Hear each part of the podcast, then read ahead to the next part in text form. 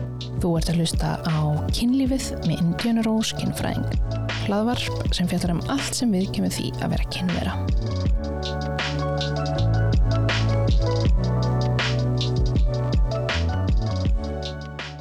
Jæja, góðan og blessaðan daginn, Eirun. Góðan daginn. Herðu, þú ert hérna komin til að tala við mig um endo, eða Mhm. endometriósu. Já. Ég vil kannski byrja með bara að segja aðeins frá sjálfur þér. Já. Um, ég er að vera 31 ás, er tækjabannamóðir, ég á fjögur ára týpura og ég á eiginmann. Já, ég, eins og er er ég veikindalefi, þannig að ég er bara svona, já, taka eitt dag í einu. Já, það er líka að þú ert með tvíbura. Já. Og gift grundfyrðing, það er náttúrulega bara álag út af fyrir sig. Það er það. Nei, ég segi svona því ég er grundfyrðing líka, svo það sé ekki einhver hérna brjálaður, það sé einhver þessa grundfyrðinga. Ok, þú ert tvíbura. Já, Hvernig er það? það er ótrúlega sérstætt Já, en dásamlegt og erfitt á svona tíma. já, Þetta er svona, ég myndi segja að vera miklu meira skemmtilegt og dásamlegt frekar Já. en erfitt. já, en ég held bara eins og með, með alla sem eiga börn, það er bara líka drullu erfitt, já, og bara kannski öðruvísi erfileikar. Já. Já, en eins og ég segi við flesta sem eiga kannski, eða svona marga sem eiga kannski börn með stuttum millibili, já, ég held það sem miklu erfiðara heldur en um Einmitt. týpura, af því að allir eru ofta að spyrja mig, oh my god, þetta er ekki erfitt um týpura já, þau eru bara með sömu þarfir á sama tíma, Já. eða svona þannig séð. já, Þú veist, ég Bara- og einn sem er, hann er, hann er nýjarðin fjara, svo ég einn sem er að vera tvekja. já einmitt. Það er krefjandi upp á, eins og núna, þú veist, þeir, Það er ekki þeir vilja sömu leika þarfir. saman, en já, yngri kann ekki tala. einmitt, þetta er svo ótrúlega ólíkt, í staðan fyrir að maður gæti alltaf bara, þú veist, ok, einni vaknaður úr, úr blundi veki hinn, bara að Einmitt. passa að þeir haldi alltaf nákvæmlega sömur út Já, svo bara læra að leika við sama dót á sama tíma og Já. að læra að lappa á svipum tíma og tala á Akkurat, svipum tíma. Já, þeir eru Einmitt. mjög um einmitt samstiltir. Æ. Það er bara nánast kúk á sama tíma enn þá í dag. Já, Sko. það. Já. En þátturinn er auðvitað í búið elk og unasvara. Ég mæli með að gera ykkur glaðan dag, kaupa ykkur nýtt unastæki og prófa það. Og þið fílið það ekki, þá eru að sjálfsögðu 30 daga skilarettur. Það sem þið getið í rauninu bara skilatækinu, fengið að fullu endurgreitt og þau sjáum að farga tækinu á ábyrgan hátt. Þátturinn er þá einnig í búið Líbrest Túrvara. Uh, Líbrest vörunar eru svansvottaðar og ilmefnalausar. Mér finnst svo gaman í svona Líbrest auglýsingum. Þeir nota í rauninu bara orðið túr og tala um ófrjósami og alls konar. Og það, þetta eru fallega bleikar vörur sem fást auðvitað í bara öllum helstu matvöruverslunum og apotekum. Og svo er þátturinn líka í búið Durex mokka og þeir fást að sjálfsögja öllum helstu sjoppum, apotekum, matvöruverslunum um að gera grípa með sér nokkra í næstu búðaferð. En kannski segðu mér aðeins frá endo samtökum, eða kannski svona tengsl þín við endo. Eins og er, allavega eins og staðan í dag, þá sérst sit ég í aðalstjórn endosamtakana. Kom inn í samtökin, mér langar að segja þremur árum síðan, tveimti þremur, ég man ekki alveg hvort það er, tímur líður svo rætt á saman tíma hægt einhvern veginn. Um, ég er sérst með endometriósu, Já, komst í rauninni ekki að því fyrir en mjög seint. ok. einhvern veginn, ég kynnist endosamtökun þannig þegar ég er nýbúin hjá lækni og hann er búin að skrifa mig fyrir mig endometriósa og ég vissi ekkert hvað það var, hafði aldrei heyrt að það og hann beisil sagði mér að fara heim og googla Já, og ég bara, ok, fer og google og þá náttúrulega kemur hann upp samtökum endometriósu já, ok. og ég einhvern veginn svona bara hafði ekki heyrt þetta á þér og sá það var til samtök og svona náttúrulega svolítið mörg ár síðan þannig að þú veist það var ekki eins komið mikið svona út í samfélagsmiðlana og svoleiðis -hmm. ég fann einhvern veginn eina stjórnarkonu þá til dæmis bara á Facebook og, og bara svona einmitt spurði hana bara, þú veist, og ég fekk að gett mikið að spjalla við hana um þetta út af því að ég þekkti engan með þetta og það var svo lítið tala um þetta Vá hvað það geggja samt. Já, ótrúlega, ég er bara ótrúlega þakklátt samtökunum ennþá en svo einhvern veginn bara svona fast forward já, kem ég sjálf inn í samtökin byrja í varastjórn og er svo núna í aðalstjórn Hva, er þetta stór samtök? Já, hvað er þið mörg til dæmis bara í stjórn og allstjórn? Ég bara átti með Mm. enga veginn á því. Nei, sko, við erum með eitt starfsmann í svona 60% nöminni mig og með, eh, ef við töl, teljum hana með, þá erum við sex sest, Já. í aðalstjórn, þá erum við fimm í aðalstjórn og svo starfsmaðurinn, hún er svona framkvæmtastjóri, svo eru slatti af einstaklingum í varastjórn við erum held ég með eins og staðinu núna eru það er nýju held ég Já, ok, vá. bara gegja, við erum gegja teimi sko Já. Hvað, er langt síðan samtökinn voru stopnið? Samtökin voru stopnuð 2006 að því maður hefur alveg séð, að ég hef allavega séð eins og þegar voru með túrstrætóin hann það er svona fullt, allavega sem ég séu, ég veit ekki hvort það sé bara búbla mín að ég er að taka eftir þessu eða hvort að almennt kannski það eru bara allir að taka eftir þessu. Eh, Hvað er, þau svona, hvað er svona það helsta sem þið eru að gera? Starfið eiginlega hjá samtökunum er svona daldið þrýþætt og það er til dæmis að steyðja við sjúklinga og aðstandendur og svo erum við í því að fræða heilbrið starfsfólk og almenning svo erum við að berjast fyrir auknum réttindum og þjónustu. Við erum, ég myndi segja, svona síðustu ár þá höfum við farið svolítið all in í einmitt bara að koma þessu out there, bara þú veist Mhm. eins mikið og við getum í andliti á fólki og það var Já. til dæmis pælingin með bak við strætóin og svona Mhm. og við fórum í hérna uh, geggjað einmitt svona samstarf með hennunastofu sem að sérst, sáum að búa til uh, strætóin og hanna bara allt fyrir okkur Já, við vorum með svona hugmyndir, þú veist, við viljum mikið blóð, blóðið verður að vera svona litinn Mhm. já, og þú veist það verða að vera kögglar þetta var alveg svona Já. þannig að þetta var bara svona já, ótrúlega mikið í andletinu fólki og ég held einmitt að þetta hafi hitt alveg í mark já, margum Ma- sko, vill margir líka- ekki eftir að það sé ekki fleiri litlar eirunar þarna úti sem Einmitt. bara fá endometriósa á blað og fara heim að googla. nákvæmlega, Af því maður veit líka hvað kemur upp á Google þegar þú Já. googlar og þá er það bara semi-dauðadómur eða þú Já. veist ekki alveg, það er bara þú, þú ert ófrjó og þetta verður bara, Mhm. líf þitt er hrikalegt þetta var svolítið þannig komið auðvitað hann bara hafsjór af einkennum og Mhm. þú veist ég að tikka í náttúrulega ótrúlega mörg boks Já, og þar á meðal, þú veist, voru alls konar engi sem ég einhvern veginn var ekki búin að áttað með á sjálf eins og ófrjósemi og allt þetta þú emmi veist, sem ég komst og setna að Varstu þá eitthvað að byrja að reyna, verða, reyna að verða ólétt eða, já, já, og það var 2016 sem ég greinist já og það var svona eiginlega búið að klínist greina mig mm Mhm. af því að það er í rauninni ekki að staðfest þetta nema að þetta sé í aðgerð Já, og tekið síni og svona en uh, það var búið að klínist greina mig í rauninni og læknir búin að segja við mig bara ok, þú ert með þetta og það er ófrisemi sem fylgir því og þú myndur að fara í glasafljókun, þú veist, hann sagði það bara seint út fyrir mig, bara já, þú veist uh, og bara verðstu tilbúin, þú þarft að fara mörgu sinnum, þú veist, ekki búast við að þetta gerist, takist í fyrsta skipti ok Já, það Það er var... var- miklar og stórar fréttir Já. erfiðar fréttir rosalega og Já. þá einhvern veginn líka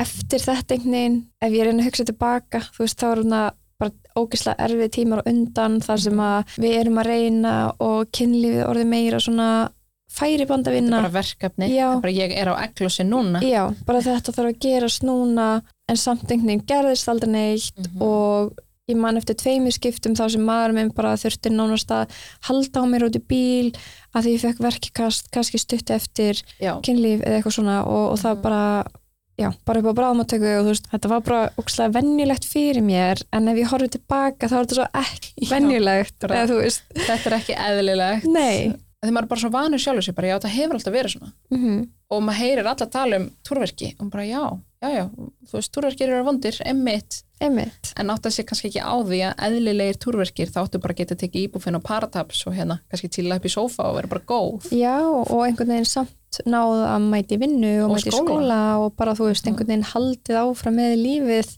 þó Já. þú finnir fyrir smá túrverkjum eða Já. skilja mig, en þarna ert þú bara að fara upp á bráðamóttöku já, og þá fá bara verkeðastillingu Þú veist, það er ekkert annað gert eða, sko nei ég veit ekki hvernig það er núna ég, það er mjög langt sem ég hef farið upp á bráðmundtöku eða í ringt á sjókrabíli eða eitthvað svoleiðis Já. uh, reynilega held ég bara út af fyrir reynslum ég man sérstaklega eftir þessum teimu skiptum að þegar ég fer, þú veist, þá reyndar skuttla maður minn mér upp á slísó en það er einhvern veginn svona ég kem inn og segi ég veit hvað er að mér, já, það er þetta já, ég þarf að fá verkelif eða vil ég senda mig upp á kvennadeild af því ég veit að þetta er að hrjá mig og það einhvern veginn, var, ég var einhvern veginn ekki tekin alvarlega eða þú veist Mm. og samt einhvern veginn bara þurfti að býða þú veist, fekk verkelif fram svo loksið þegar ég komst inn þá þurfti að óma með magana því að var haldið ég var að fá botlangakast, sama þó ég var að segja bara nei, ég veit ég er þetta er bara þetta sem er að og ég kem hérna mánaðarlega Já,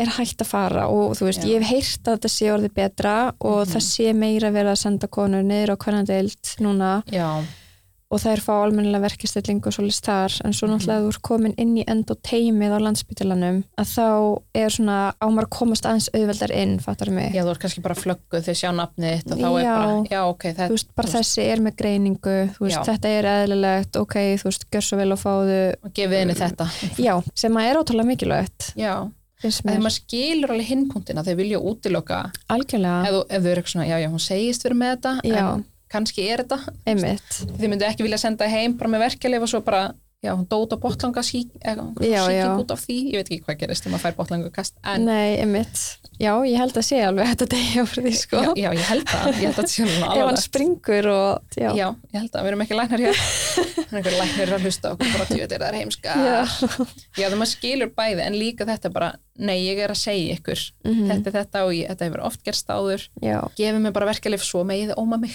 Já. Bara, ég, skal alveg, ég er alveg til í það og eftir mhm, einmitt og eru þá verkinir, þú veist, að standa lengi yfir Er þetta- um, það er misjant sko. um, eins og þegar ég var á blæðingum og svona að Mhm. þá þú veist, ég, mér var alveg að fossblæða í alveg svona sjö daga og verkinir alveg eftir því komst vall í vinnu og, og hérna skóla og ég myndi segja að vera svona síðustu tvö ára mín mentaskóla voru bara hræðileg Já, þá fyrst byrjaði að missa rosa mikið úr skóla verkefni voru bara það slæmir og ég einmitt búin að ganga á milli mar margra lækna og einhvern veginn ekki fá neina staðfestingu hvað er að mér og ég að halda að þetta level að túrverkjum væri bara eðlilegt mm þetta er svo vondu vítarhingur, þú veist, maður er hann á úlingsárunum á einhvern veginn er með þessa verkhauð Já. sem byrja bara hvað er að þér, þú veist, helvitis aumingi Já, bara akkur er þú rúmliggjandi þegar hinar vinkonuðinar eða hérna, bekkjasestur eru bara notandi eitthvað svona, svona pínu lítið þund bindi og það leikur ekki gegn hjá þeim á hverjum degi og Já. þær eru ekki rúmliggjandi að verkjum, þú veist, hvaða aumingi er þú? Já, skilurðu? akkur mætur ekki bara í skólan Já, já Fyrir þetta er lína. vondur aldur upp á að vera að upplifa þetta allt saman og vita Já. ekkert. bara sjálfsmyndin og líkamsýmyndin Já, ótrúlega mikill í mótun, svona út frá öðrum algjörlega. þetta halda bara sért helvitis aumingi Já, okkur get ég ekki bara drulla mér og mistur skólanum og allir eitthvað svona, byrju, okkur fannst ekki skólanum ekki er Já. ég var á túr, emmitt bara. já ég er á Right. túr Já, já þetta þetta var var einhver afsökun bara algjörlega. og lítill skilningur eru líka bara frá kennurum og mjög lítill skilningur enda ég held, það var held ég á síðast árum mínu sem ég var komin í svo vondan ring bara þú veist með líkamlega og andlega helsu í bland já, að þú veist þetta byrjaði að valda svona bara miklum kvíða og svoleiðis að ég einhvern veginn var bara næstu því fallin að mætingu sko. mm að þú veist ekki verkið þá er svona hvíðin hefur að koma að segja akkur þú varst ekki prófum Já. síðustu viku einmitt og einmitt að þurfa að segja kannski útskýra þetta fyrir kennaranum veit ekki sjálf hvað er að mér, ég er bara alltaf heima að dreipast á maðverkjum já, þú veist, ef ég er ekki á túr þá er svo samt illt í maganum eða með magakrampa eða ristilkrampa eða alltaf hjá einhverjum læknum í rannsóknum og enginn veit neitt og þú veist, ég veit ekki eins og sjálf hvað er að mér en ég er bara einhvern veginn alltaf að drepast Mhm. það er mjög erfið stað til að vera Já, en hvernig er eins og að gangi í samtökin, þú veist, þarfst Já. að vera að koma með formulega greiningu eða Nei. getur bara grunað eða ert að pæla bara það geta hver sem er skráð sér í samtökin Já. en þetta er mjög uh, lágt gjald sem að er greitt einu sinni á ári mér minnir að sé 3800 eða eitthvað svo les já, þá ertu sérst orðin eh, meðlumur í samtökunum Já. og þú getur verið með endó eða grun eða mm, þú veist, verið aðstandandi eða bara gunni út í bæ sko. Já, er eitthvað svona hittingar eða fræðslur eða eitthvað svona Facebook-kópur eða... Já, það er lokaður Facebook-hópur Já. og svo erum við mjög duglegar að í rauninni bara það er alls konar fólk sem leita til okkar þú veist og vill fór ágjöf og svoleiðis og við hefum verið Mhm. að gera það eh, án endurgjalds Já, en frítt, Já, frítt að bara leita frítt. til ykkar við vorum alltaf með síma Já, þú veist það sem að við bara svona skiptist á að vera með það er eiginlega bara held ég einfaldra að svara fólki á samfélagsmiðlum í Já. dag maður skilur alveg fyrir samfélagsmiðla bara Já. okkar kannski ekki vera að selja þetta tölvupóst nei, þetta var eiginlega orðin smá svona liðin tíð að vera með með einhvern síma og Já. símanúmer sem að eiginlega enginn ringdi í að því allir voru að senda bara á Já. Facebook eða Instagram eða eitthvað Um þetta og samt að þurfa að passa að vera með síman á sér Já. og svona, örgulega bara meiri áhyggjur og álæg heldur en að algjörlega bara ég svara í dag á Instagram Já. eitthvað svoleiðis En Já. við erum svo, erum við ótrúlega, ég myndi að segja að það var kannski síðasta einu hálfa árið Já. þá myndi ég segja að við erum búin að vera mjög virk við vorum stundum með einhver svona kaffihúsahýttinga og eitthvað svo en svo eins og síðast einu og hálfa ári þá erum við búin að vera með svona viðbyrðadagatal og bara með skipulaða við, viðbyrði reynum að hafa allavega að minnst okkur einn í mánuði og það sem er bara alls konar fræðsla stundum erum við bara með hugleyslu eða jóka, við erum bara með sal og fáum hérna jókakennara eða eitthvað svona og bara svona reynum að, erum að reyna að smala fólki smám saman þú veist, hvort Já. sem þú sért einmitt með endó eða bara aðstandandi og, og einmitt svona vera með fræðslu kvöld og, og Mhm. svoleiðis og bingo og eitthvað svona skemmtilegt líka svona aðslega sérsta fólk saman, það þarf ekki að vera alltaf ógeðslega alvarlegt Já, og Þið eitthvað eru með hörmulan sjúkdóm, Já, allt er ömurlegt. já, En eitt, það sem ég sá að þið hafi gert er að hérna, berjast fyrir þessum aðgerðum, þessum hérna, hvað heitir þetta aftur? kviðarhólsbyggnarnar Kviðarhólsspeglanir. Já, Ok, hvað gera þessar kviðarhólsspeglanir? sko, Að sko, bara svona mjög einfaldan máta. Ég er ekki, Eh. Já, um, það í hverhólsbygglun allavega, ef ég nú, tala nú bara frá minni persónlega reynslu, mér finnst að það Ah, algjörlega. best Já.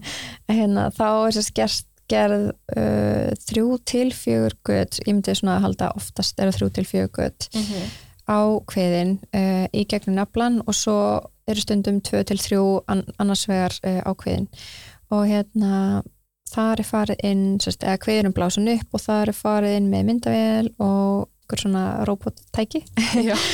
oft er búið að sjá einhverja samgruninga eða einhverja endó sérst, eh, frumur og svona í myndatöku þú veist, mm Mhm. hvað heitir segulómin? MRI, er það ekki segulómin? Já. Örgla? Já, Ah, Jú, jú, jú, jú. um, Þetta. þá, það sest stundum í svoleiðis um, en svo oft er nóg einmitt bara að hlusta á einkenni og svoleiðis en þá er svona oft grunur um einhverja ákveðna staðsendingu á samgöngum eða öðru Mhm. og uh, svo fyrir eftir því sérst, uh, hvaða læknir ger að gerna, það eru ekki allir sem að skera í burtu, Já. sumir brenna Mhm. sömur Eh, skera í rauninu burtu þannig að já, það er mísamt bara hvað er gert í aðgerinu hvort Já. sem að það er brent eða skorið Já. ég held ég sé að segja rétt en allavega eh, samkvæmt svona nýjustu rannsóknum á að vera betra að skera Já, ok. e, þá er maður í rauninu að fjarlæja en ekki bara taka Mm. toppin af einhverju skilur mig Já, já, þú ert að taka alveg, Já. ekki bara toppin á ísjakunum. þá í rauninni ertu að held, ég held að það sé ég held að hugsunum baka það sé bara einmitt að reyna að ná öllu vandamálinu ekki bara taka smá af því og svo kemur það kannski fyrir aftur blossar upp Mhm. eða við einhverju ertingu eða eitthvað svo leist þá ertu meira að þú ert bara að taka allt sem þú sér Já, og vonandi þú veist já, já, einhvern veginn helst sjúklingurinn uh, betri lengur já, allavega. já, Já, það meikar allavega sens Já. við sem læknar hér. Það er svona þegar við útskýra þetta svona. já Og þið í endosamtökunum, þið börjast alltaf fyrir því að fá þessar aðgerið niðurgreitar, af því þær kostu ekki miljón. Já, Eða sko eftir að Jóni var kom til landsins og byrjaði að gera aðgerðanar á klíninginni Af því hann er svona endosérfræðingur, er það ekki? Jú, hann er sérfræðingur í end og er svo sem ég best veit búin að vinna sérst bara við þetta síðastlinn held ég tíu árun sérska. Þannig að hann er verið rosalega mikla reynslu og gerir mjög margar endaðagerir á hverju einust ári. Hann sérst byrjaði að gera þetta á klíninginni og sjúkratringar sérst voru ekki að niðurgreðis aðgerðir á sín tíma. Þannig að aðgerðina voru mjög kostnaðsamar. Eins og til dæmis mín aðgerð, ég fór í lagnám og sérst endaðager á samtíma Já. og það var 2022 og hún kostaði 1,2 miljón sem ég þurfti bara að borga alveg sjálf Já, og mjög margar konur á þeim tíma voru að borga einmitt endaðgerðina sínar þá voru endaðgerð að kosta cirka 700.000 Mhm. og leginám eða alltaf líki leginám þá var það 1,2 en Já. núna skilst mér að þetta sé búið að hækka það er núna náttúrulega tvö ár síðan hann já, byrja að gera þetta uh, þessar að gerir já, ef það er sérst, ekki eða sérst, fyrir niðurgrislu í dag já. uh, er held ég laganámi komið upp í 1,4 eða eitthvað svoleiðis og Já. enda að ger komin alveg upp í held ég miljón En hvað þarf maður að gera til að fá þessar aðgerið niðurgreitar? Er það að vera með bara staðfesta greiningu eða... nei, sko sjúkratringar voru bara ekki að taka þáttin einum kostnaði já, á þessum aðgerðum allavega ekki þegar ég fór en uh, við sérst fórum af stað með uh, undirskriftalista og áttum marga fundi með uh, viljum og já, höfðum bara rosalega hátt í samfélaginu og einhvern veginn vorum bara að berjast fyrir því að fá þessa niðurgrislu að því að þetta er ótrúlega einhvern veginn ósangjant, skilur við, þú þetta er bara lífsnauðsynlegar aðgerðir við einhvern veginn náðum þessu að fá sérst, staðfistar niðurgrislur en Er þá kvóti á þeim? já, eins og staðan er núna það var allavega eitt skrif áfram Já. ótrúlega mikil sigur að fá Mhm. niðurgrislur Já. eins og við sáum undir lók síðasta árs að þá er kótin búinn uh, áður en að árið er búið búið. og þá erum við að lenda aftur í vandræðum Já. uh, og marga konur einmitt bara að þurfa að díla við mjög miklu óvissu hafa verið að senda okkur bara oh my god, ég á tíma í aðgerð eftir viku og Já.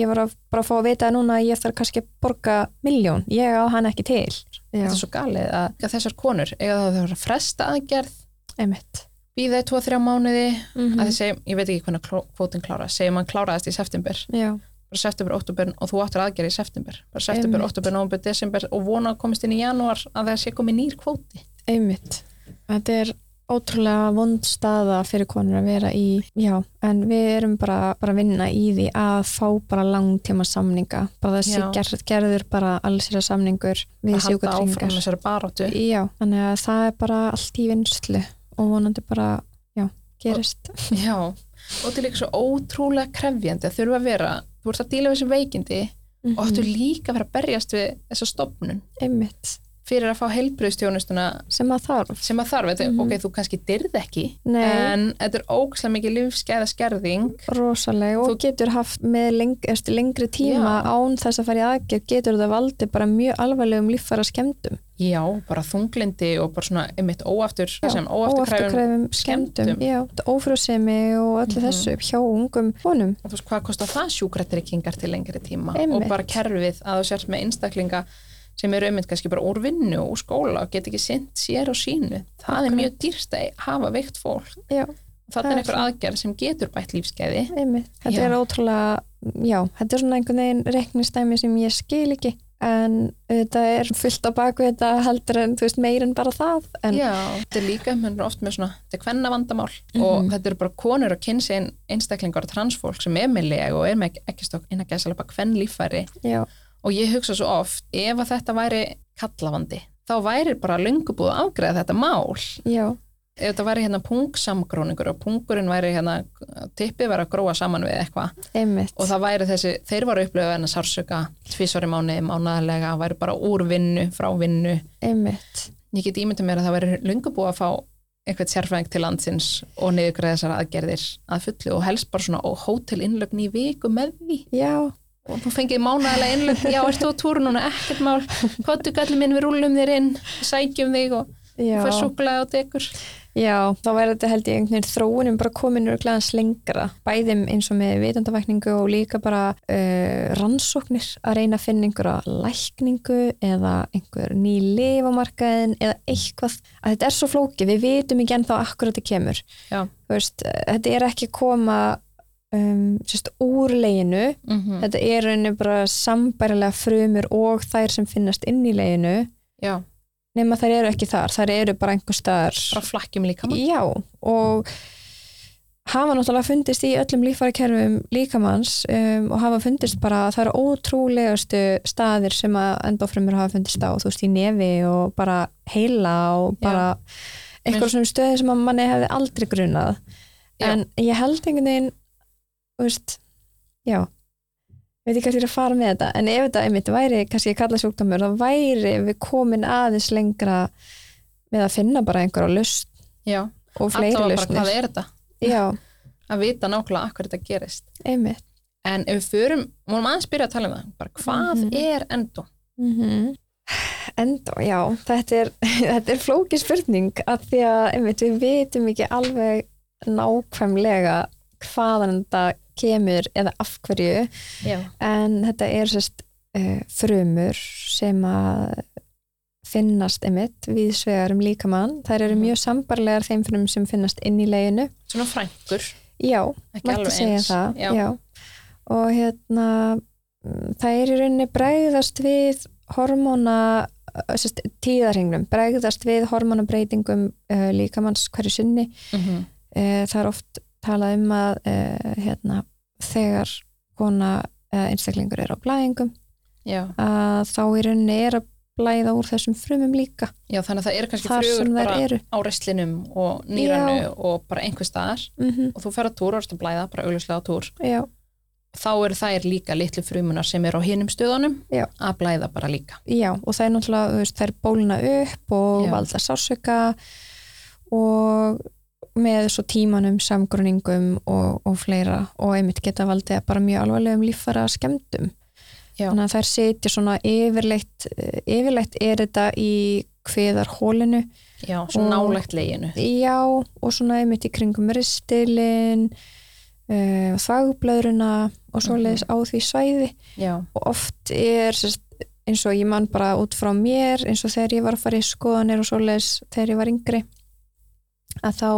sást oft uh, að ég var bara með blóðpoll í kviðarhólinu já, þannig að hvort að það var uh, bladra fulla Mhm. blóði að springa á ekkistokkunum eða hvort að það var að koma úr einhverjum endofrumum veit ég ekki en já. þetta er alltaf svona já, og þessi samgróningar, þá eru við að tala um eins og að pissublaran getur bara gróið saman við legið já, og ristillin, þú veist að því hann er eitthvað svona endalösa slanga hann, já bara gróið saman Já. svo færðu krampa í þetta mm og þetta getur einmitt valdið ótrúlega miklum sásöka þegar þetta er orðið svona samgróið og margar hafa náttúrulega lendi í því að ekki stokkarnir fara á flakk eða Mhm. gróa saman eða, eða þú veist, snúast við þú veist, já, allir gangur á þessu og einmitt eins og eins og ég er akkur núna Mhm. þú veist, nú er ég náttúrulega leglaus og búið að taka ekki leðara og legháls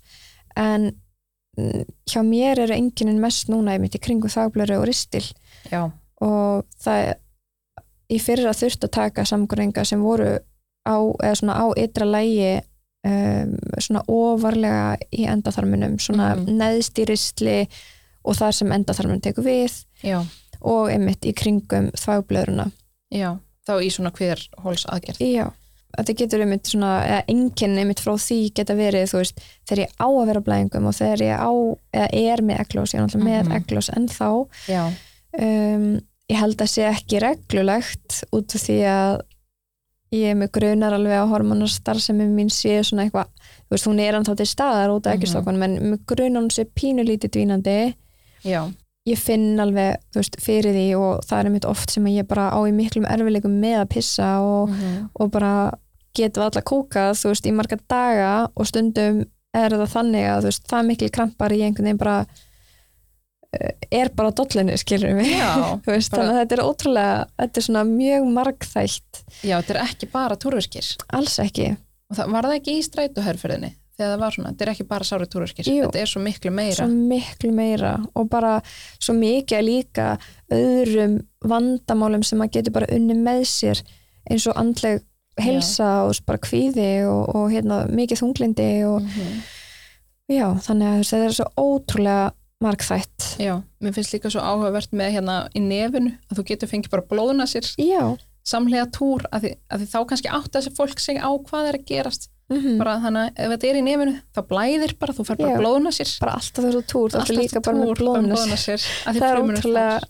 já, og það er þá að gerast inn í líkamannum já, líka um, mm en það var einu svona kallað legslímiflakk já, og það, við erum hægt að nota það eða ekki Jú, við erum sérst hægt að nota það orð af því að það er bara mjög ljótt orð já, fyrir utan það e, það er svona mjög óþjált og einhvern veginn já, leg slímuflakk þetta er bara mjög, eh, ég held að þetta hafi, ég man ekki, það var gerð eitthvað svona eh, einhver keppni, ljótasta orð eitthvað svona í eh, svona orðabók, íslensku orðabókinu Já. ég held að það- þetta hafi verið bara mjög ofarlegu Örugglega lista bara þetta á gervarta Já, það er ógslegt orð líka einmitt.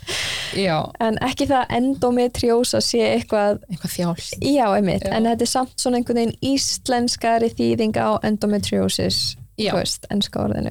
já, og líka því að þetta er doldið villandi þetta er ekki legslími frumu Nei. frumuna í legslíminu þetta eru, Einmitt, þetta eru eins og frængur var þær. fyrst haldið og Já. ég held einhvern veginn að þaðan hafi þetta orð komið.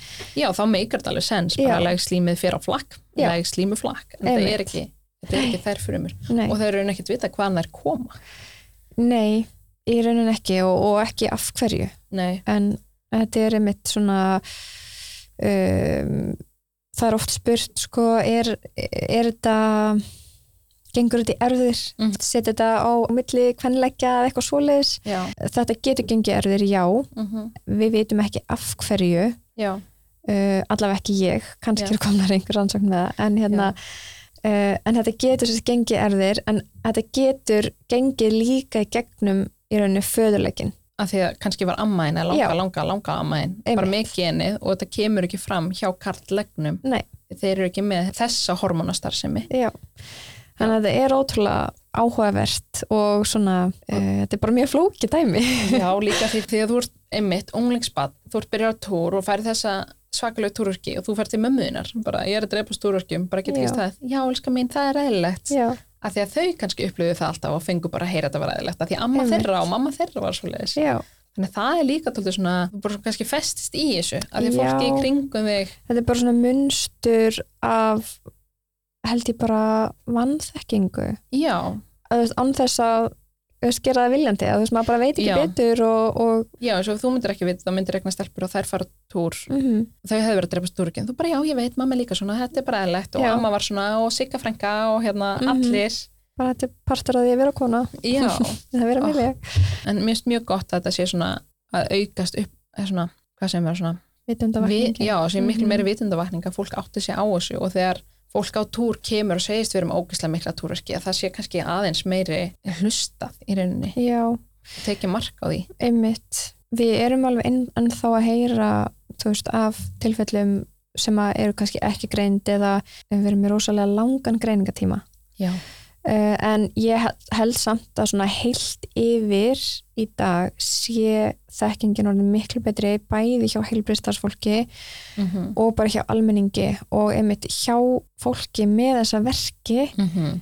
að þau einhvern veginn hafa heyrt þetta áður að því þetta er búið að vera meira í loftinu og svona Já. meira einhvern veginn í andlitinu á fólki já, að þá svona já, ok, gæti ég verið með þetta mm þú veist, það er kannski meira að gruna það sjálft Mm. Mhm. og nefna það þá við heilbyrðistarsfólk eða einmitt heilbyrðistarsfólk með þetta aðeins ofar á lista út frá einkjönum og bara fyrir sögu og svoleiðis já, náttúrulega ég get ekki tala út frá mér núna því að það er svo, eða Já. þannig sé land sem ég greindist og svo ekki er það- svona hvaði búbla mín að þú bara, já, það er allt gett meðvitaðir Já. og mér finnst það kannski líka því við erum í Mhm. sömu búblu Einmitt, en svo er bara einhver út í bæi sem bara, hvað er það að tala um? já. Og það er ekkert svo langt síðan að ég þurfti að útskýra fyrir mannesku Mm -hmm. sem spurði mig bara, ha, bara þú veist, hvað er þetta? Já, Endometriur, hvað ha, ég hef aldrei þessi dáður, Já. bara getur þú sagt mig frá þessu, ég er bara veit ekkert hvað þú tala um. Þannig að þú veist, það er alveg pottet, eðst, já, bara fullt Já. af fólki sem veit ekkert hvað þetta er, en Já. það er allavega að staðan er tölvert skárin núna, heldur en bara fyrir nokkur mánu síðan þannig að vonandi bara vita sem flestir og bara fleiri af þessu núna Já, en hversu algengt er þetta heila? þetta er nefnilega rosalega algengt Já, mér fannst eiginlega mest sláandi að heyra að þetta væri svipað algengt og sigursíki að því að mér finnst rosalega margir með sigursíki og maður veit, ég held að þekkjur og allir einhvern með sig Já. og einhvern veginn þú veist hvað sigursíki er Já. og allt þetta Já. en tölurnar eru svipaðar en náttúrulega svo ótrúlega margir ógreindir Já, uh, endómein hvað er þetta þá? 10% eða?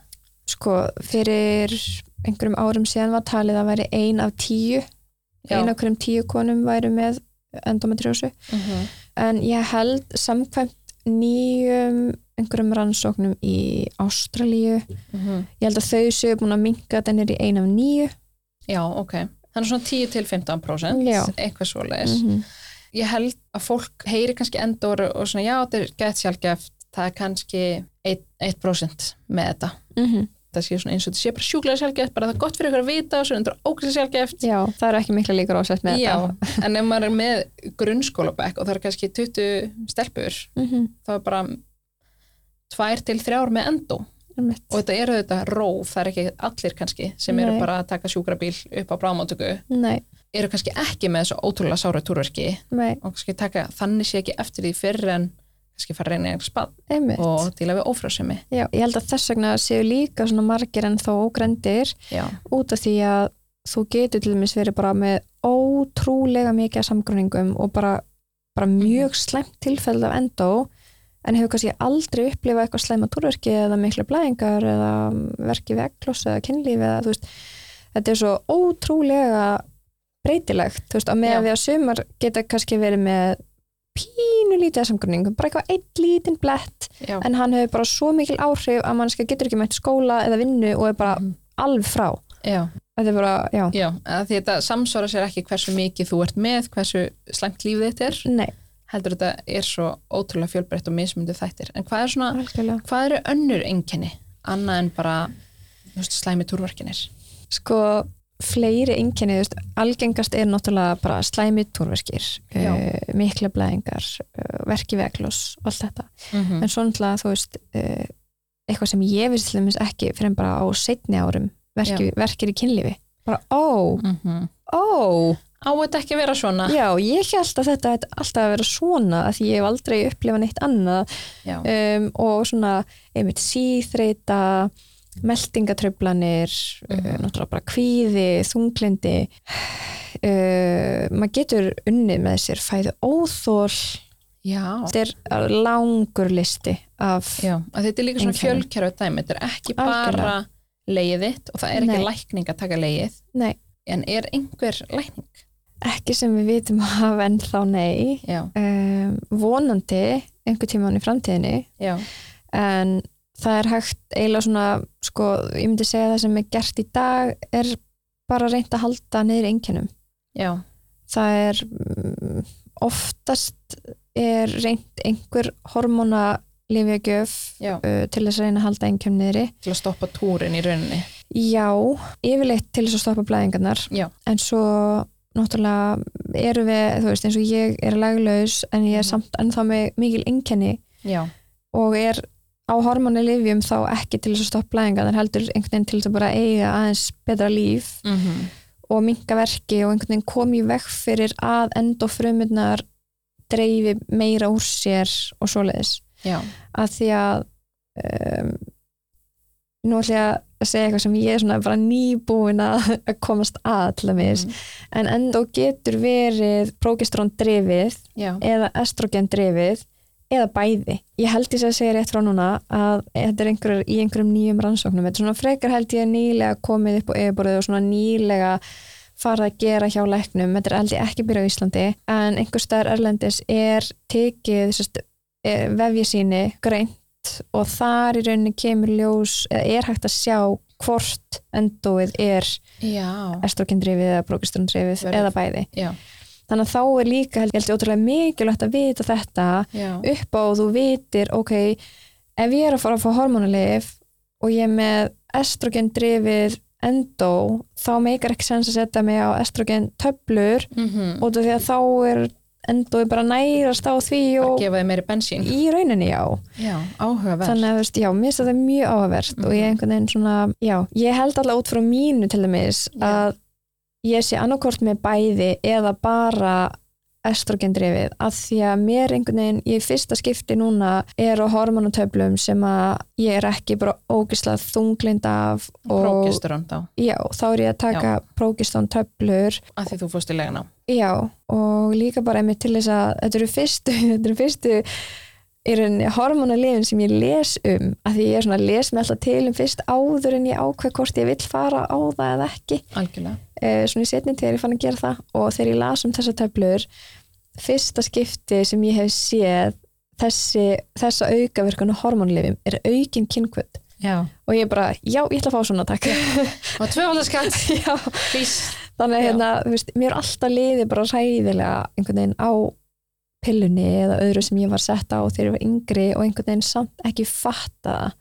Nei, af hverju ættur að fatta það? Bara Já. er unglingur og bara fyrir ég er að pæla. Já, gæti þetta verið að þetta sé að hafa áhrif á endomi að estrogenið í þessu bara veist Já. ekki hvað estrogen er einmitt já, þannig að ég er svona, já, allavega allavega fyrstu töflunar eða svona fyrstu lifin sem að mér líður bara vel á, já, finn allavega ekki neikvæð áhrif en þá, þú veist, mér mætti alveg líða betur líkamlega en mér líður vel andlega Já. og svo lengi sem það er svoleiðis þá Það er auðvitað líka að díla við hitt. algjörlega Það er mjög erfitt að vera þú veist, mikill vanlíðan og verkja þér. Já. Það eigur bara verkina og verkja upplifun og sársöka, lækkar sársöka þjóli. En ef þið líður Mhm. vel þá kannski kemstu líka frekar í að gera hluti sem láta þið líða vel. Þú veist, fara út í göngutúr og hitta Einmitt. vini.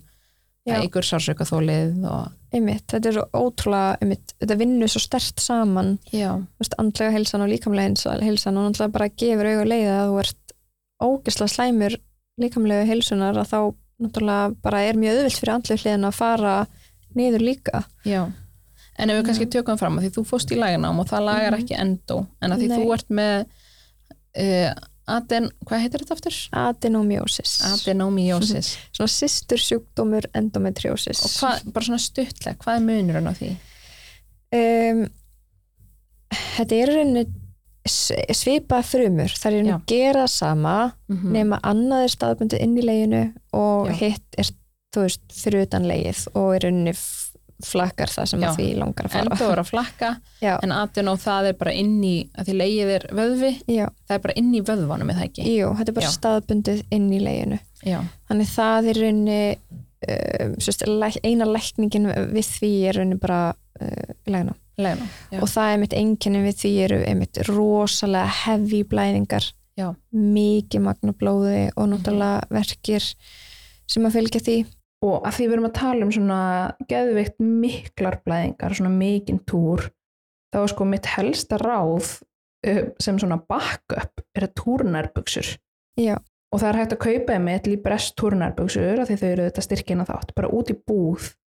Og þá er þetta í rauninu bara eins og venjulega nærbuksur en með svona þykkari part, þú veist það sem túrblóði fyrir bara svona beint fyrir leikvöngin, þú veist sá partur á nærbuksunum. Um, og þetta er svona, að mér er svo geggja við túrnærbuksur að þetta er svona ég finn ekki jafn mikið fyrir bleitinu eins og með dömubindi eða annað, þetta er svona bara dregur í sig vökvan mm Mhm. -hmm. og svo er þetta náttúrulega auðvitað, hérna, fjölnota Já, algjörlega þannig að þú getur bara hendur þessu í þvóttavölina bara svo skólar þetta á kvöldin, hendur þessu í þvóttavölina og svo getur þú notað þetta aftur daginn eftir bara hengir þetta upp til að þurka og mér finnst þetta alveg næs að því að því ég er á túr þá blæðir alveg mikið mm Mhm. -hmm. alveg svona fyrstu fimm dagana og þá get ég verið með álfabyggar sem Líbressi líka með sem ég elska og það er einu svona eini álfabyggarinn sem ég finnst hafa henda mér allavega rosalega vel Mm Mhm. -hmm. og túrunarbygsunar þá sem backup og það er alveg flottar, þetta er ekkert eitthvað svona þetta er ekki svona túrbleia eða svona blei, fullarnins bleia, þetta er bara nærbygsur bara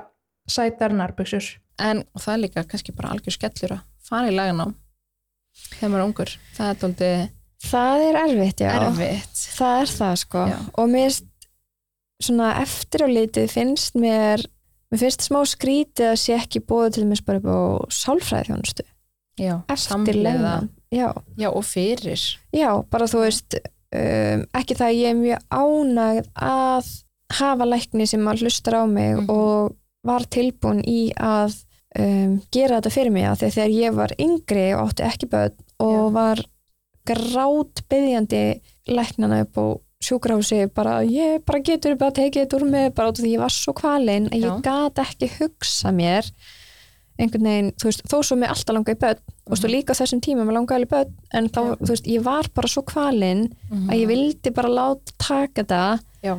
og þú veist, ég myndi bara finna út úr hinnu setna Já, já. veist, það er hægt að eignast börn án þess að það komi Úr úr leginu leginu þínu, mínu já. þú veist. Einmitt. þannig ég hugsaði bara að þú veist, þá og ég skil alveg rökin líka bara okkar, við erum ekki fara að skera leið úr tvítur konu, eða þú veist, Mhm. ég Bara skil akkurat Í það sársökanum. já, þú veist, alltaf leið, ok ræðum þetta þegar verkjakast er búið, Já. þú veist mér finnst að vera, vera, vera svona Það er millivegur hann einhvers Já, staðar. það verður að vera smúð millivegur. Já, bara Ekki- alveg svo ef ég myndi fóbrotna, ég væri bara að taka að mig löppina, Já, þetta er ekki að gera það núna. mér finnst alltaf lægi að taka einhvern veginn svona heldar lífskeiði inn í myndina Mhm. þó að mannskja sé ung Já, en ekki, þú veist, og einhvern veginn svona, ég veit ekki, hugsa þetta út frá bara svona raunhæfum augum einhvern veginn, þú veist, Já. að taka einhvern veginn allt inn í myndina en Já. líka, það má ekki vera líka of skurð að gera glaður, skilju, eða bara nei, eitthvað svona bara um leið og nefnir þetta, ekkert mál, rúlið Já. mér upp á, svo vaknar úr verkjakastum og þú bara, bara hvað er ég búin að gera Já. þannig að hérna, verður að vera einhvern veginn svona einmitt góður millivegur Já, en þetta er líka eins og bara með almennt ófrúsumis aðgerðir. Þú veist, Já. Stelpur sem kannski um tvítut vita að þeir langar ekki börn. mm -hmm. Það er bara, ég held að, það- ég veit ekki hvort það sé breytt, það er bara svona, þú þarf að vera allavega 25 ára og svo fáðar alveg. En ef þú eignast mann sem langar í börn, já, það er bara, þú hlustar frekar á mögulega framtíðar maka minn og barn- langanir hans í börn heldur en mig Mhm. núna og ég er búin að hugsa þetta síðan tíu ár. einmitt Maður heyri þetta svo oft. já, algjörlega Það þetta er er, millivegur á milli svona forræðishyggju og að fá að ákveða sjálfur fyrir líkama sinn og lífskeiðin sín. einmitt ég held líka að einmitt ef við tölum um lífsgæði og svona þú veist, það var líka alveg að strákandi mínir sem ég á í dag sem ég er óendanlega þakklátt fyrir að þeir hafi svolítið hjálpa mér að taka þessa ákvörðun taka skrifið og fara í lagnam af því að ég einhvern veginn, eftir að ég átti þá Já. þó svo að, þú veist, ég átti traumatizing fæðingu og, og hérna traumatizing mánuði eftir á og eitthvað svona og náttúrulega bara tala nú ekki um það að endóið mitt bara snar versnaði eftir að ég átti þá Já, bara aldrei verið verri þá samt einhvern veginn var ég tilbúin að gera þetta aftur Já. þú veist, ég var bara ok, ég er tilbúin þú veist, mér langar alveg í eitt annað barn við hefðum alveg til ég að fara í gegnum þetta aftur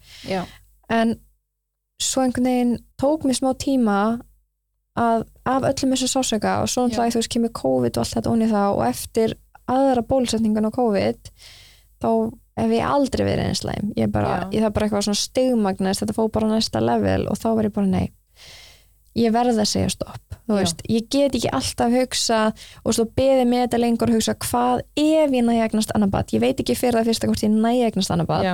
Og hversu, hver mörg ár í það? einmitt, hvenar er það að fara að takast þú veist, það er að fara að kosta fylgta pening en þú veist, Mhm. í stóra saminginu skipt með peningana Algjörlega. en, en svona, þú veist, ég hugsaði bara ok, ég veit ekki hvenar eða Mhm. hvort þetta gerist er ekki bara ég þurfti smá svona bara að taka skrif tilbaka og bara, Eirún verður bara þakklátt fyrir það sem þú átt í dag þú veist, Já. ég á tvo heilbreyðastráka Mhm. og það er ekkert allir svona hefnir eins og ég, þú veist, sem bara eitthvað voru ófrjóir og þurfti að fara einu sinni í glasafrjókan, þú veist, ég er óendanlega heppin Mhm.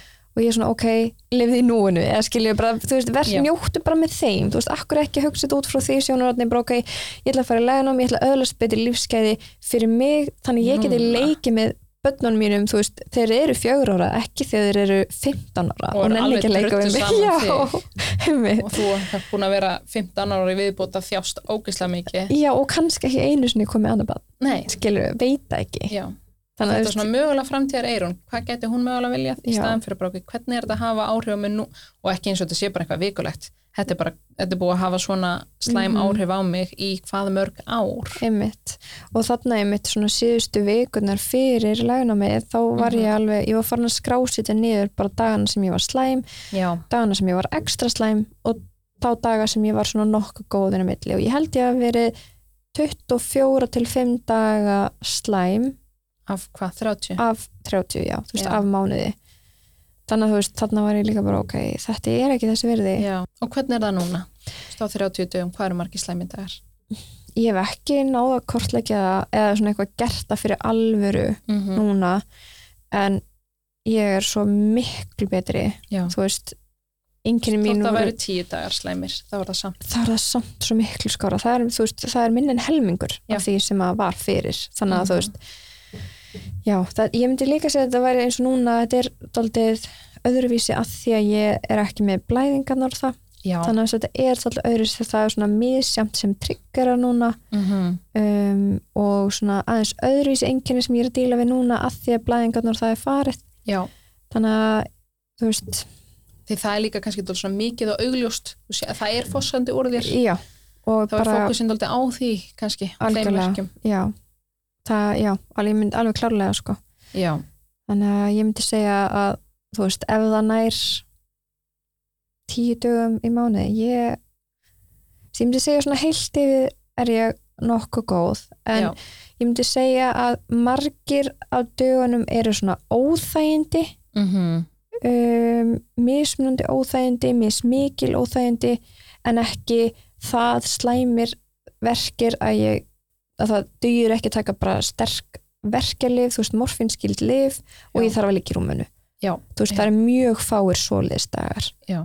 en þeir voru margir rosalega margir já, þannig að verkinir sem ég kalla verki í dag eru meira svona finnst mér slæm óþægindi já, þú veist, ég get alveg íbúfinn og parataps og já, ég get alveg klára daginn og þú veist, ég, það, það er bara margt annað sem ég þarf að hugsa um Mhm. til þess einhvern veginn að ég get meira komið í veg fyrir verkjakast skilur við mig núna svona reynt að stýra því betur með einmitt bara mataræði og reyfingu já, að því að mín einkenni einhvern veginn eru þannig núna, þú veist, mikið uh, tengd meldingunni og, og svoleiði sko. já getur meira unnað forvörnum í staðan fyrir bara að slökka allt á elda Já, bara með tratolann og hérna, Einmitt. hittapoka og upp í rúm já, það er, ég hef ekki tímyndið mér að það sé bara life changing já, moment en algjörlega. auðvitað er erfitt að ákveða þetta ungur Mjög svo, ég svona held ég fyrst núna tveimur og setna upplefa þessar tilfinningar mm Mhm. út af því að ég einhvern veginn svona bara hugsa tilbaka og er svona bara á þeim stað í lífinu núna ég er bara svolítið að hugsa um mig og reyna að verða betri fyrir mig fyrst og fremst og Já. setja mig í fyrst sæti súrefniskríman og sjálfan sig já, Já. þannig að ég er svona er einhvern veginn bara að já, síðustu, myndi ég segja svona síðustu sex árin væri svona smá í móðu en samt ekki þetta er svona, bara, það- bara, já, það er bara svo ógeðslega mikið búið að ganga á og bara mikið limit veikindi og, og þú veist, og bara Mhm. mikið ógeðslega fucking erfiðum hlutum, ef ég má já, segja það algjörlega Það- ég er ekki fyrir það má blóta hjá mér já, hvað varstu gömul þá þegar þú fegst greiningu eiginlega? ég var 23 færði í rauninu 23 að vita að þetta verður, þú verður ókslega erfitt fyrir því að vera ólega Já. og þá vorum við að vera í svona rúm tvö ár Já. áður að reyna að vera ólétt bara eitthvað svona að reyna ekki, ekkert eitthvað svona ekki eitthvað með lækni sjálfbendilega Nei, og ekkert eitthvað svona brjálæðislega kortlagt en samt alveg svona með þetta bak við já, eirað svona við erum ekki náttu getnaðvarnir Já. allt þetta, Já, já, og hvena ferði þá í glasa. glasaferlið í rauninu Við sem sagt ákváðum að gifta okkur 2018 Við sem sagt báðum um enga gjafir af því við áttum korki íbúð eða neitt og við, við þurfum enga eittala stjaka eða neitt Mhm. mm. svoleiðis við viljum bara þeir sem vilja styrkja okkur í að fara í glasafrjókun geta þá þykjum við pening Já. annars bara viljum við ekkert Já. og við náðum að safna fyrir sem sagt, fyrstu glasafrjókun af því að hún er allavega var þá ekki niðugreitt og við fórum sérst, í brúðkaupsferð til Bali í þrjár vikur, strax eftir brúðkaup og allir bara að koma ógislega endunar heim og bara, þú veist, já, það er önnur saga, þetta var alveg hell ferð sko en hérna það var sérst náttúruhamfarir og eitthvað Oh svona my God. mega mikið stress þannig að maður kom einhvern veginn ekki senaður heim Já. eins og planið var geðveikt höfadrættur, Já. traumatæst einhver hluta vegna bara náði ég samt að fara bara nokkuð senið inn í þetta og ég einhvern veginn náði bara svona að skipta hugafannu mínu bara ok, ég var búin að fara svo fram og tilbaka með, búin að googla bara alls konar eitthvað svona spes mataræði til þess að auka einhverja líkur ég Mhm. ætla maður að, verður smá geðveikur maður verður það já, maður, þetta, þetta verður bara svona Þráhyggja. obsession, já, þetta verður bara ótrúlega mikil þráhyggja og það var orðið rosa þannig þú veist, Mhm. einmitt bara árið áður líka var Mhm. bara sjúklega erfitt einhvern veginn andlega að reyna þetta með alls konar livjum og eitthvað, já, allavega við förum inn í þetta hana í loka ágúst 2018 ég náði bara að smetla fingri og var bara ok, ég ætla ekki að breyta neinu já ég ætla bara að vera ég mm ég ætla að gera allt sem að ég geri venjulega daga uh, ég ætla að, þú veist, ef mér langar í bjór með matnum, þá ætla ég að fá mér bjór Mm. mhm. sama hvort ég var byrjuð að sprauta mig eða ekki Já. í meðferð, ég bara, ég ætla ekki að breyta neinu fyrir en ég fæ jákvætt próf já, þú veist, og þó bara sem eins ég og var að aðrir gera já, og þó sem ég var að býða eftir, þú veist, búin að fyrir uppsetningu og allt þetta og var bara að býða eftir jákvæði prófi já, og ég man, þú veist, við vorum einhvern tímann heim hjá tengda og hann fá okkur bara góða mat og það var rauðin með matnum og ég bara, já, okkur ekki, Já. þú veist og bara, ég hugsaði bara, ég ætla ekki að breyta neini og því ég hugsaði, ef ég ger einhverja breytingar núna já þá er líka minn að fara að segja nei og eða maður fyrir að ofhugsa bara já, ég hefði, ekki, ég hefði átt að gera þetta eða akkur fæk maður appisum djús, ég hefði kannski átt bara einmitt fáránlega hluti Mm. já, sem maður fyrir að eitthvað svona ofhugsa sem að einmitt skipta engum máli í stóra saminginu og einmitt hversu margir hafa ekki vita þessu óléttir og bara einmitt við erum bara á djamminu bara og eitthvað. þjóðháttíð, bara góðir á því já, þannig ég hugsaði bara já, ég ætla bara að vera ég og hérna og tek bara stöðuna þegar, ég veist, ég, já, bara kom með jákvæmt próf og mm ferli gekk bara ógeðslega vel þannig, já. þú veist, ekkert var mjög sásakafull já. um, en ég held að það hafi bara verið út af samgrunningum og ég ofurvæðist stíðagerðinni, nei, hérna meðferðinni Já.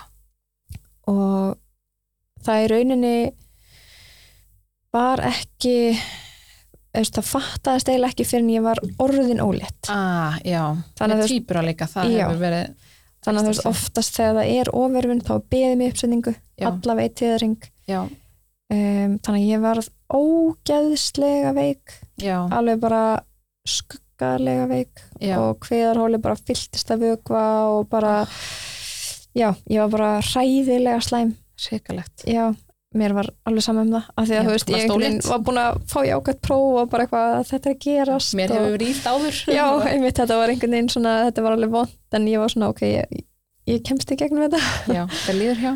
já, hann Já. Og þá komið tvíburar undir. og Já. Það hefur gengið, En maður Mjög sagt vel. bara að setja upp eitt egg, fimm, Já. fimm daga gammalt egg. Oftast eru sérst egg, eggin eða fóstuvísandi búin að skipta sér fyrir, Fyrir. það. Já. En maður sett upp hann að fimm daga gammalt og bara, þeir hafa bara splittað sér um leiðið þar komið. já, öruglega. Bara, já, já, komin hinga. Já, bara þetta er notalett. Já. og þetta hefur líka svo mikið áhrif bæði glas en líka þetta bara svo áhrif á andlegu helsuna og eins og þú segir þetta Algjörlega. verður bara ótrúlega mikil þráhyggja Já. maður er að lesa endalaust og hvað getur maður gert til að auka líkunar og er að prófa einhver vítamin og láta Mm. magan prófa Mhm. Alls konar eitthvað. eitthvað og vítamin Prófa spes leipefni sem hjálpar segir sem mann um að f- eitthvað að renna Já. meira smúð og ég, ég bara, já, hvað Já. reyndum við ekki, sko. og svo er fólk eitthvað svona þú veit ekki, þú verður bara að slaka Já. Sigga frænka mín, hún reyndi lengi eignast börn og svo bara hætti hún að reyna og þá gekk þetta Já, ég, er svona, ég var alveg slök fyrst já. ég vissi ekkert að ég var ófrjó fyrst Einmitt.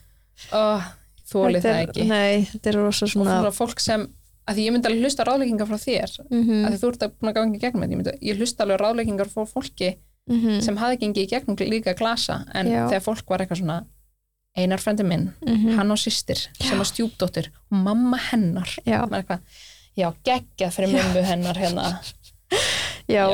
þetta var já, ég fekk mikið af svona líka Já. einmitt og svona uh, endalega svona spurningum alltaf í öllum jólabóðum og eitthvað svona það er eiginlega ástæð fyrir ég held ég bara hætti að fara í Mhm. visslur og bóð af því það var alltaf eitthvað svona jæja og hvað segir þið á ekki að fara að koma með eitt og Já. eitthvað svona bara þú veist ekki hvað er búið að vera í gangi við vorum að ríða áðan Já. brundi er ennþá inni í mér ég sett túrtapa til að halda einn Já. já. Já. Já. það er, fólk leifir sér ímislegt. En ef við förum kannski aðeins í kynlífi og þú nefndir aðeins áðan með eins og verki í kynlífi, Mhm. hvernig verkir, þú veist, erum við að tala um bara á kynfara svæðinu eða bara út um allan líkama? Mm, ég held að það sé ótrúlega einstaklingsbundið Já. um, en ef ég eins og tala át svona frá minni reynslu að Mhm. minnst ógeðslega sorglegt að segja frá því og svona ógeðslega pirrandi ég verð alveg smá reið og leið á samtíma en Mm, Já, einhvern veginn fyrir mig er, veist, kemst í rauninni gæði fyrir bara, mm, bara núna í setni tíð, bara á einhverjum sem mjög stutt síðan, að bara ó, það er ekki eðlilegt að finna til Örugglega. alltaf, bara ó á, að þetta bara vera gott og ekkert vond, ekki einu svona smá vond, já það er bara svo mikið norma að sé smávond. já, bara alltaf eitthvað vond, Já. þú veist, ég finn alltaf eitthvað til einhvern veginn og sérstaklega, þú veist, áðurinn í fórlega nám, þá Já. einhvern veginn var þetta alltaf, ég fann alltaf eitthvað til stundum, þú veist, kannski bara í byrjun stundum bara í endan, stundum bara eftir á, Já, alltaf einhvern veginn svona, ég fann alltaf eitthvað til já, alltaf sársöki sem stundum fylgir. bara það ótrúlega sárt að maður bara sagt bara, heyrðu, ég get ekki Já, bara, bara við verðum að stoppa mm þú veist, sem er, já svona, En ég held að þetta, því þú veist, þetta var þegar við vorum yngur og er líka ennþá kynfræsli, það er alltaf þetta að þessi vond fyrir stelpur að stunda kynlífi í fyrsta skipti, já, sem bara mesta búlsitt í heimi, það á ekki að vera vond, það á Mhm. aldrei að vera vond. einmitt Og að því spurningin sem ég fæ frá unglingstelpum er hversu vond? Það er ekki, Ekki er er það vont. eðlilegt Já. eða á það að vera, það bara er að fara að vera vond og Já. þær vilja vita, þær vilja undirbúa sig, mm bara hversu vond er þetta að fara að vera? Já. Og ég meina ef þú hefur heyrst það sem unglingur eins og bara allar stelpur heyra að kynlíf sé bara von Mhm. þá er þetta er þetta bara eðlilegt fyrir þér Já. þetta er bara svona Einmitt, og þetta einmitt bara var nákvæmlega mín einhvern veginn svona æska eða skilur við, þú veist, maður, maður, maður held að þetta ætti að vera svona að því Mhm. Já. einmitt maður var búin að heyra þetta, þetta á að vera vond og, og þú veist kannski er þetta bara alltaf vond fyrir suma eða skilur við, Já. þú veist, ekki Já. bara fyrst hvað var það til þess að þú svona fattar að þetta ætti ekki endilega að vera svona um, Ég man um, sko, nú ætla ég að segja eitt sem að fær kannski að vera einninni, kannski ekki Já. ég lætur þetta eftir á já, um, ég man sérst eftir lagnám hjá mér já, þá einhvern veginn svona átti ég góða líkur á því að uh, eiga mögulega bara verkja minna og lítið sem ekkert verkjað sérst kynlíf Já.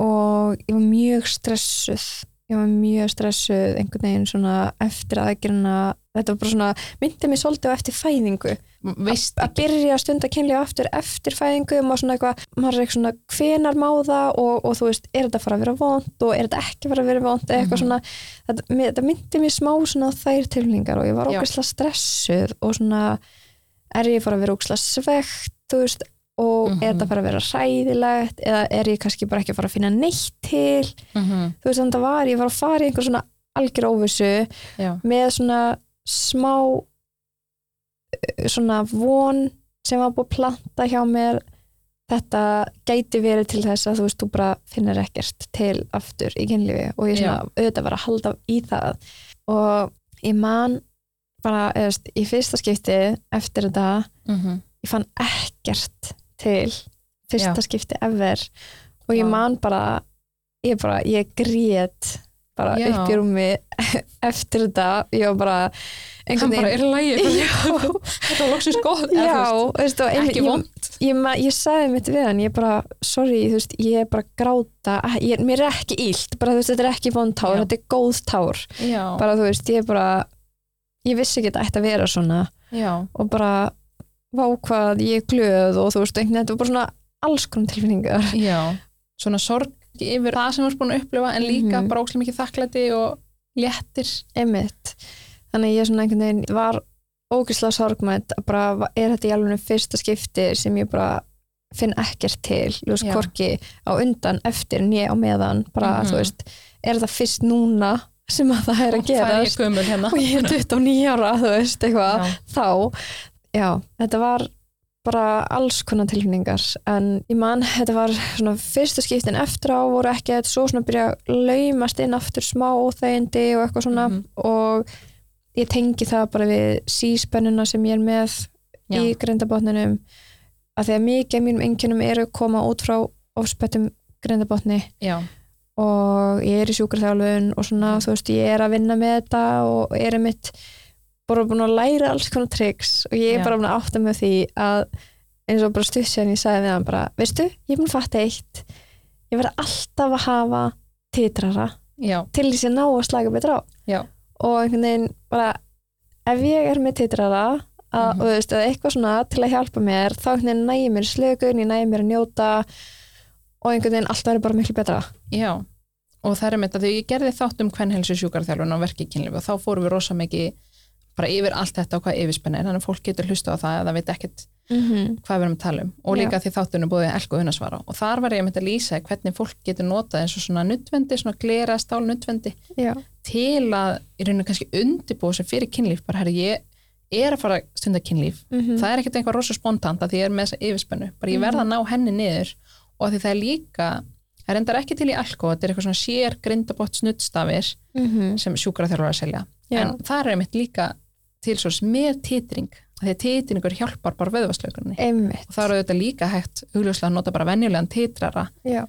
til að vera undirbúið sér til að ná þessari slökun og bara gera slökunaræfingar fyrir einmitt, já, algjörlega sem er eitthvað, "Ah, það er ekkert sexy bara já, það er kannski aðeins við viljum njóta í kynlífi já, einmitt, ég mani mitt sko ég fekk svona alls konar tips and tricks frá svona mínum sjókarþjálfara Já, og einmitt alls konar tegjur og, og eitthvað svona æfingar bara til þess Mhm. að hjálpa að slaka og einmitt svona nuttund til þess að hérna bara nutta og þú veist og reyna að losa spennu sjálf heima já, og ég var smá svona uff, en þú veist Já, þetta er ekkert eitthvað mest sexy en Nei. svo hugsa maður, kynlíf er aldrei spontant maður, það, þú veist, þarf að kveikja á þessum löngun maður vill líða vel og algjörlega, ef þetta er eitthvað sem ég þarf að gera til að líða vel þá getur þetta líka bara að vera partur af því einmitt að þeir eru saman bara Mhm. hérna, mm að- mikið upp grindabotnin og gera slökunaræfingar saman og einmitt. eiga einhver svona að því að þú bara nutta líka mann almennt þá nærðu meiri slökun og einmitt að gera bara svona líka annað teip sem ég fekk frá sjúkarþjálunum ég er ekkit allt duglega að nota en, Nei. en þú veist,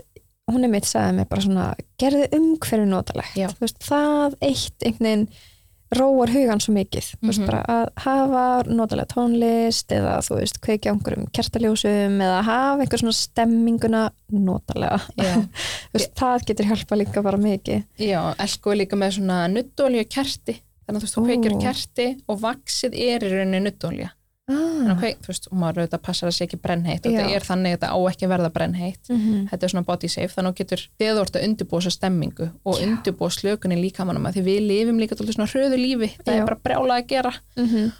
og svo ætlum við í kynlífið og það er bara, bara já, það er ég alveg rétt, ég þarf slökun bara, Já. það tekur sem þetta smá tíma að ná þessari slökun að ná hausnum á sama stað og Einmitt. líka mann þarf að vera Já, já ég, ég tengi alveg þarna Mhm. sko. og það er mitt líka einmitt að því að við lifum svo hröðu lífi að Já. þá einhvern veginn þú veist, gefur maður sér ekki nóg tíma í þetta já, það ég er alveg seg um það þú veist, já einhvern og veginn fólk bara líka svona- oft eitthvað svona, ég næ ekkert að vera með hausinn bara í kynlífinu maður er eitthvað, Já. nei, þú þarf bara markvist að ná, bara taka smá núvindaræfingu og mm, hæga á honum og þú veist, herðu það þriðdagar, ég ætla að stunda kynlífi kvölda því það er alltaf deitkvöldin okkar Já, Þú veist, já. ég er alltaf að segja fólki að skipla ekki kynlífi sitt, maður verður að gera það ég, sko, nei, ég var að hugsa þetta bara í vikunni Já. þetta er svo sniðut, ég, bara, ég verð að fara að taka þetta upp hjá mér maður verður að skipla ekki Já. það, því ef maður ætlar að býða þannig að sé spontant þá er þetta bara, það er aldrei að fara að gerast nei, Af því þetta er ekki, þetta er ekki svona kvötin svo, bara líkanlega kvötin svo hungur að þosti Einmitt. störfin kemur ekki bara, maður verður að kveikja á henni mm og að þú veist að þetta séður þetta skvöld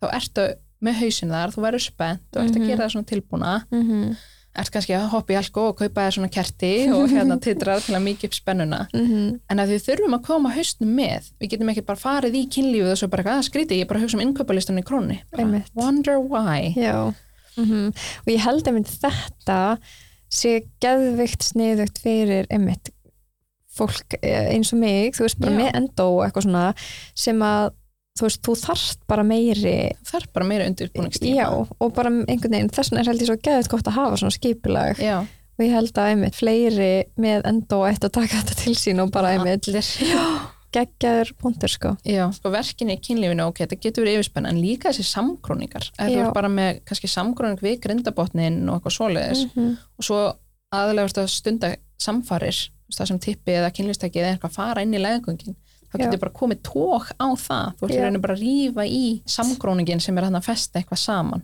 að þetta er að mér, þú ert með verkið hann í kringum blæðingar og fyrir og eftir, Mhm. svo egglósið hvað er það, Einmitt. þrýr góður dagar í mánuði sem þú ert ekki kannski Nákvæmlega, þetta er svo flókiði mitt, Mhm. þú veist, sérstaklega um mitt þegar ég var á blæðingum að því að það eru alltaf svo ótrúlega lengi og ég einhvern veginn, þú veist, vinkunum mínar voru oft að segja mér bara eitthvað, þú veist, akkur stundi ekki kynlíf þegar þú ert á blæðingum. þú bara, hann mun drukna Já, einmitt, bara að ég nenni ekki að setja bara eitthvað pissulag á rúmið Já. og eitthvað, þú veist, fimm bara, hangklæði einmitt, bara, þetta, er- nei, bara þið gerir ekki, ykkur ekki grein fyrir því hversu mikið magn þetta Já. er.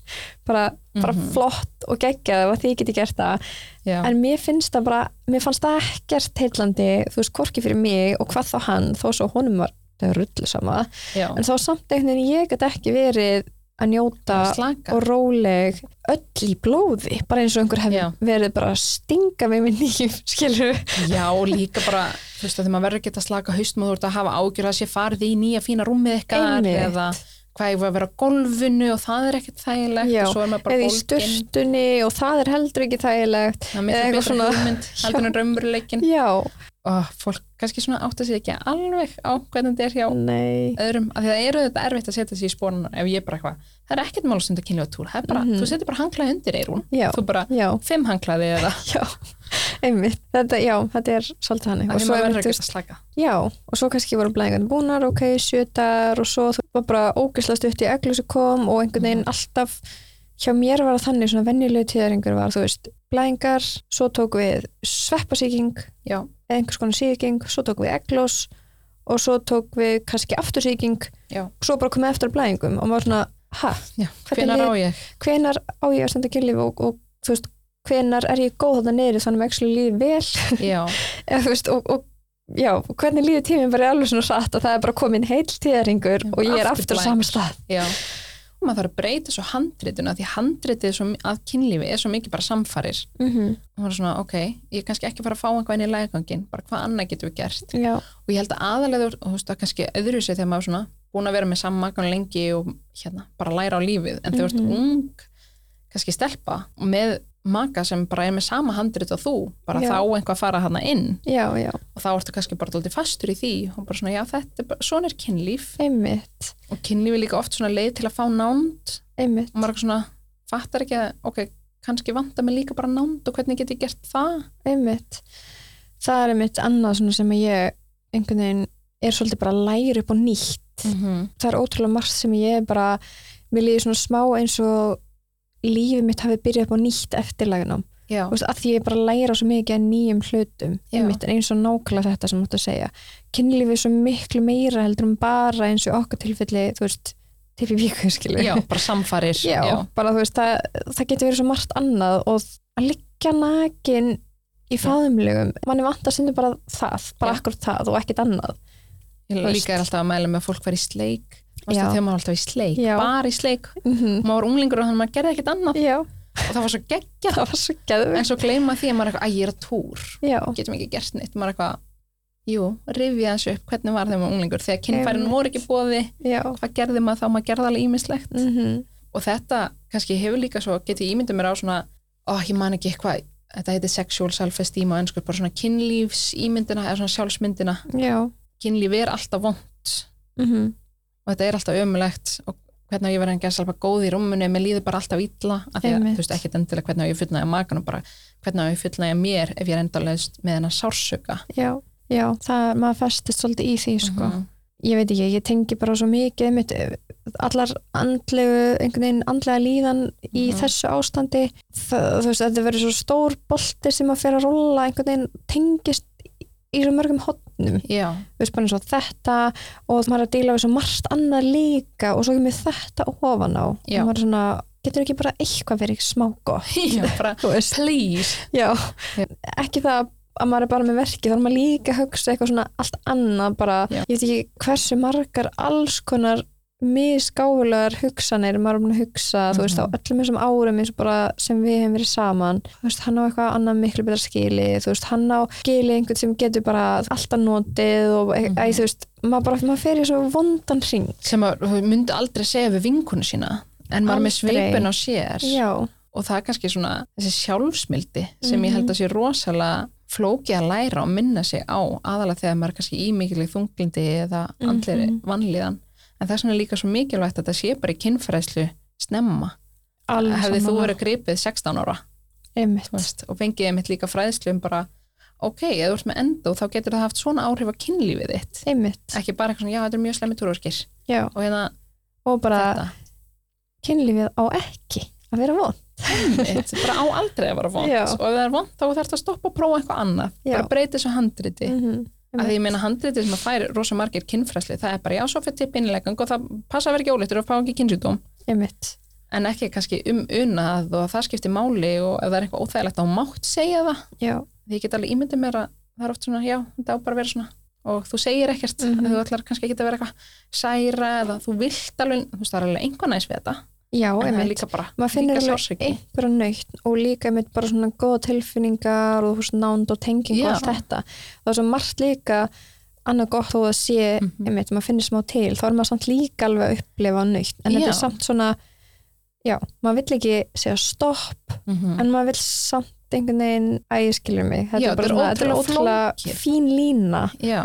og, og einmitt bara mjög flókið og bara einmitt fyrir ungt fólk, ungar stelpur og ungt fólk sem er að díla við þetta Mhm. hvernig áttu að eiga þetta samtal um kynlíf einmitt, ef að þú hefur alltaf fengið kynfræðslu og veist mm Mhm. almennt ekki hvernig átt kannt alltaf að byggja um að nota smokkin hvað Já. þá eitthvað svona herði, það er sásökafullt í þessari stellingu en ekki í þessari ef að gera Mhm. þetta þannig að það vantar líka svo mikið hvað unnur að skipti máli Já og líka sem betur fyrir allavega ég held að unga kynslan í dag sé tölvist opnari um bara eins og að tala um kynlíf og, Mhm. og svoleiðis heldur en þegar við vorum yngri sko. já, algjörlega allavega einhvern veginn svona ef ég tala út frá mér og, og mitt svona bara að tala um kynlífi sko, þú veist, mér fannst það bara mjög óþægilegt og já, bara eitthvað svona sem að maður vildi helst aldrei gera og það var alveg bara mjög oft í mínu einhvern veginn sambandi þú veist, bara með mannin mínum sem að mér þótti bara mjög óþægilegt og Mhm. vandræðilegt að tala um kynlíf bara eitthvað svona bara, ok, hvað við er meira? þurfum að tala um þetta bara, "Ah, helst ekki að maður getur kannski að tala um einhvers smokka og getnavarnir já, og hérna, kynstumvarnir mm mm. veist, það var kannski alltaf að tala um það því það fær maður upplýsingar um en Einmitt. eitthvað svona, hvað finnst þér gott Já. hvernig á ég fullnaði þér og fólk er bara haha, bara ég veit það ekki, gíska Bara- einmitt, já, en ég held einmitt bara að því að þú veist þetta var svona einhvern veginn alið upp í manni mm -hmm.